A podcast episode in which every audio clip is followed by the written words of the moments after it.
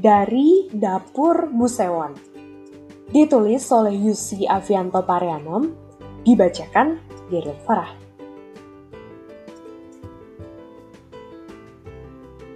Busewon Pemilik rumah yang kukontrak di kawasan Kalibata, Jakarta Selatan, senang sekali membagikan masakan dari dapurnya. Ia pemurah, kirimannya selalu dalam porsi besar. Amal ini akan menjadi sesuatu yang mengembirakan semua orang sekiranya tidak ada fakta keras. Masakannya tidak pernah enak. Antaran pertama yang kuterima adalah kolak pisang yang diwadahi dalam mangkok sangat besar yang sempat ku kelirukan sebagai baskom ini. Aku sebenarnya berniat mencicipinya di ruang makan, tapi saat itu Bu Sewon berdiri menunggu di depan pintu sehingga aku menangkapnya sebagai isyarat permintaan agar aku mencobanya langsung. Tak maaf ya mas kalau kurang manis, kata Bu Sewon. Aku mencoba sesendok. Orang satu kampung bisa kena penyakit gula semua.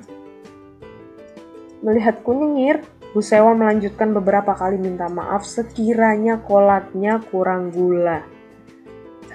Sebelum akhirnya pamit. Tak mau menjadi korban tunggal di ruang tengah, aku segera meminta istriku mencicipinya. Setelah menelan sesendok, ia langsung meludahkannya dan mendelik ke arahku. Lidah Manadonya tak tahan dengan kuah semanis itu. Aku juga masih ingat betul kiriman kedua Bu Sewon, ia menyebutnya sup daging. Tapi kurasa masakan yang satu itu lebih pantas dinamai gerombolan, rajangan, kubis berendam di kuah asin panas. Aku dan istriku sudah bersungguh-sungguh bergantian mencari. Tapi yang kami temukan hanyalah Tiga potong kecil daging alot di mangkok. Selebihnya kubis dan kubis. Setelah kiriman kedua itu, aku dan istriku jadi terkenang-kenang. Bulan pertama kami tinggal di rumah kontrakan itu. Pada waktu itu, dari lubang udara dapur kami, sering tercium aroma harum masakan. Bu Sewon memang tinggal tepat di rumah belakang bersama suaminya, Pak Sewang pensiunan pegawai Departemen Pekerjaan Umum, dan Ratih anak angkat mereka yang masih remaja. Sekalipun kami tahu bahwa bau sedap itu adalah bau bawang putih yang ditumis belaka, tetap saja juping hidung kami melebar. Salah satu yang paling menggoda adalah ketika mencium bau ikan asin goreng. Aromanya benar-benar membangkitkan lapar. Kami biasanya sikut-sikutan dan menyuruh yang lain memberanikan diri meminta belas kasihan Bu Sewon. Saat itu, Bu Sewon memang belum pernah membagi masakannya. Kami berangan-angan betapa nikmatnya kalau ia sudi melakukannya. Kami berdua suka dan bisa memasak, tapi pada waktu itu kami terlalu sibuk sehingga kami lebih suka membeli makanan dari luar. Aku sedang repot mengerjakan revisi rancangan interior sebuah apartemen, sementara istriku sibuk mengurusi tesis masternya di bidang hubungan internasional. Seperti bunyi pepatah lama, berhati-hatilah terhadap apa yang kau minta. Aku tak tahu salahnya di mana. Lidah dan hidung Bu Sewon, Bu Sewon yang mestinya berjarak kurang dari sejengkal, sepertinya tak bisa akur atau mungkin lebih tepat jika aku katakan bahwa harapan kami yang sempat terbangkitkan setelah mencium bau masakannya segera saja merosot ke titik terendah. Begitu kami akhirnya bisa mencicipinya. Mungkin bagi Bu Sewon sendiri, rasa masakannya enak belaka. Aku tak tahu persis apa yang menggerakkannya. Boleh jadi campuran kebaikan hati yang melimpah rupa dan keinginan murni untuk menjadikan kami korban eksperimen olah dapurnya. Dengan yang terakhir dosisnya lebih tinggi. Tampaknya, Kian lama Bu Sewon kian ganas berbagi masakannya. Ada kue lapis hambar, tabak belenyek, lepon asin, ayam goreng tepung yang tepungnya setebal pantat bayi. Dan yang paling spektakuler adalah makanan dengan tekstur ganjil yang layak disebut sebagai anak haram hubungan gelap, getuk, dan tiwul.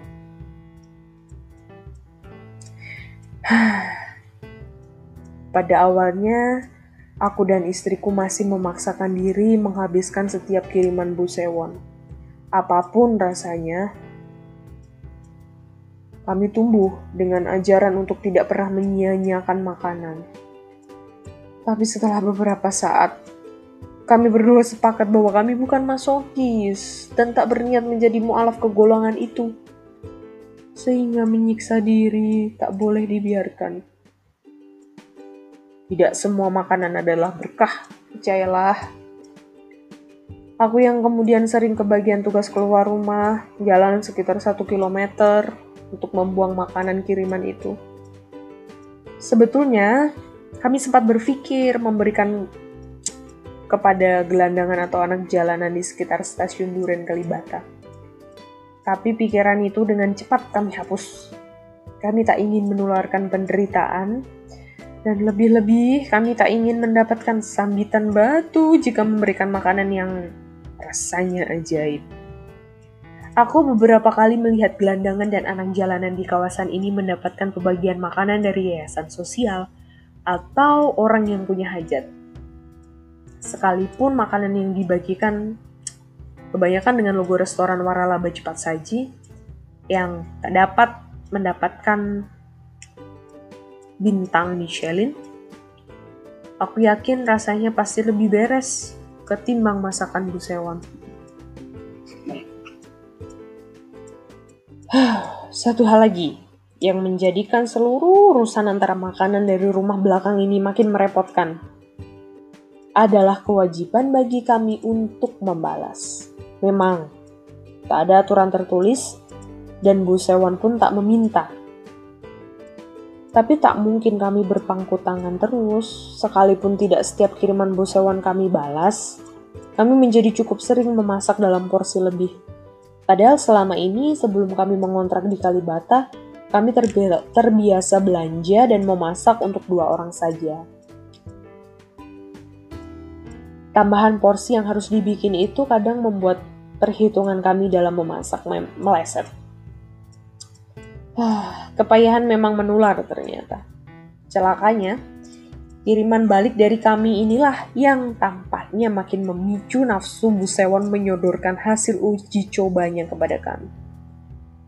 Mas, kalau kita masak steak wagyu atau angus, apa harus dibagi juga ke Bu Sewon? Tanya istriku suatu hari. Hi, aku kira giginya masih kuat. Ia mencubit perutku dan sepertinya masih menimbang-nimbang. Parasnya lucu sekali.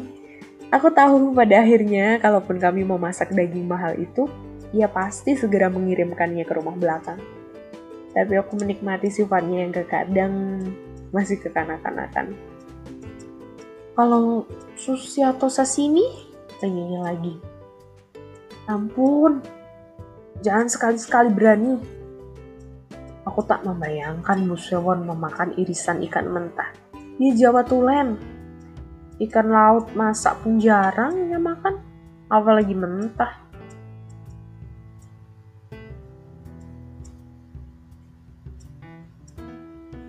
Lalu datanglah bulan puasa kami tak mungkin lagi bisa seenaknya membuang makanan kiriman Bu Sewon. Kau tahu, atau mungkin pernah mendengar, bahwa orang yang menyediakan buka puasa akan beroleh pahala setara dengan orang yang berpuasa. Lah mana mungkin kami tega menyabotase pahala Bu Sewon, begitu saja. Setelah beberapa bulan tinggal di rumah kontrakan, kami tahu sumber kebahagiaan Bu, Bu Sewon tak banyak yaitu mengaji dan berbagi makanan. Suaminya, Pak Sewon, usianya sekitar 70 tahun, mungkin berselisih 20 tahun lebih tua ketimbang Bu Sewon. Dia lebih senang lancar sendiri atau main domino dan samgong bersama para lelaki yang tinggal di sekitar rumah kontrakan kami. Anak angkat mereka, Ratih, sering sekali membentak-bentak Busewon. Nasib buruk Busewon juga tak berhenti di situ. Dua kali ia ditipu oleh dua perempuan yang pernah indekos di rumah belakang. Ia meminjamkan uang kepada mereka dan para debitur kurang ajar itu langsung kabur. Yang pertama ia kena 4 juta rupiah. Yang kedua lebih parah lagi, hampir 30 juta rupiah. Hatinya dan akalnya mungkin memang lemah terhadap akal bulus yang dibungkus kata manis dan tampang haru. Maka berulanglah kembali situasi catch 22 atau maju kena, mundur kena. Kalau kiriman busawan kami makan dan habiskan, acara berbuka puasa kami yang sebetulnya sudah dirancang akan menjadi berantakan. Makanan kiriman Busewon sering tak klop dengan makanan yang kami siapkan. Tapi, pada saat yang bersamaan, kami merasa tak tega jika pahala Busewon terganjar oleh ketinggian hati kami. Aneh ya, padahal kita ini ya bukan muslim yang taat-taat amat. Kata istriku suatu kali dengan paras putus asa.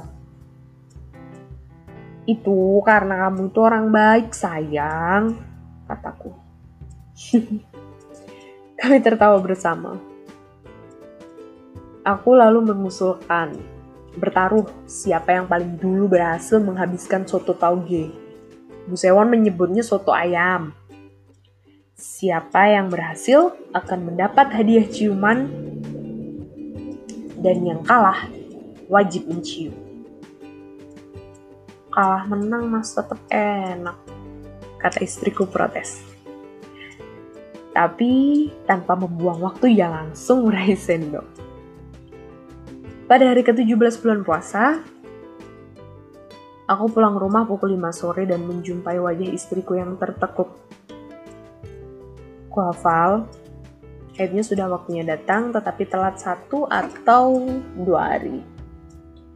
Aku sebenarnya sudah memintanya tak memaksakan diri berpuasa, tapi ia ingin menemaniku.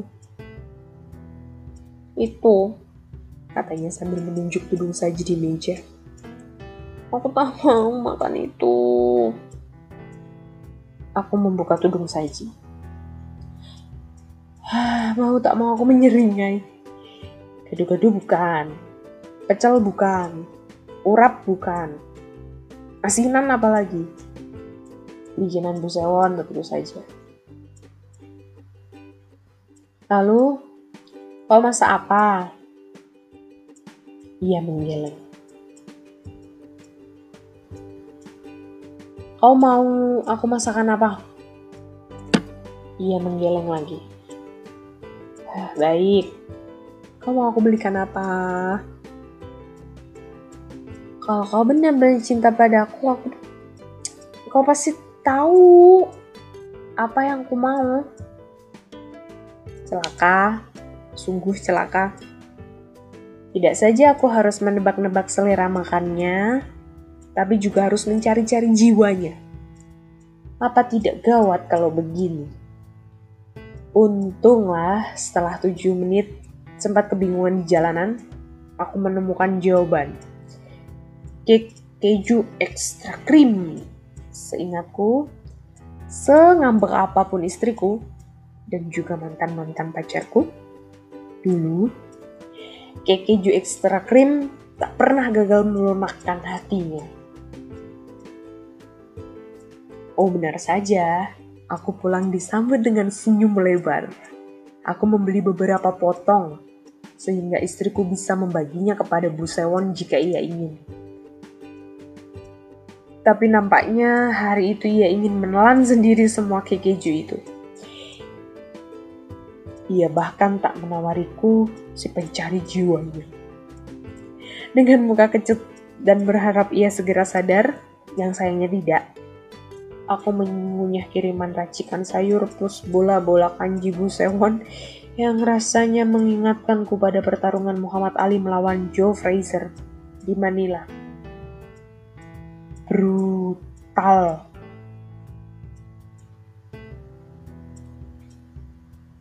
Malam harinya, sekitar pukul 10 malam, terdengar teriakan dari rumah belakang.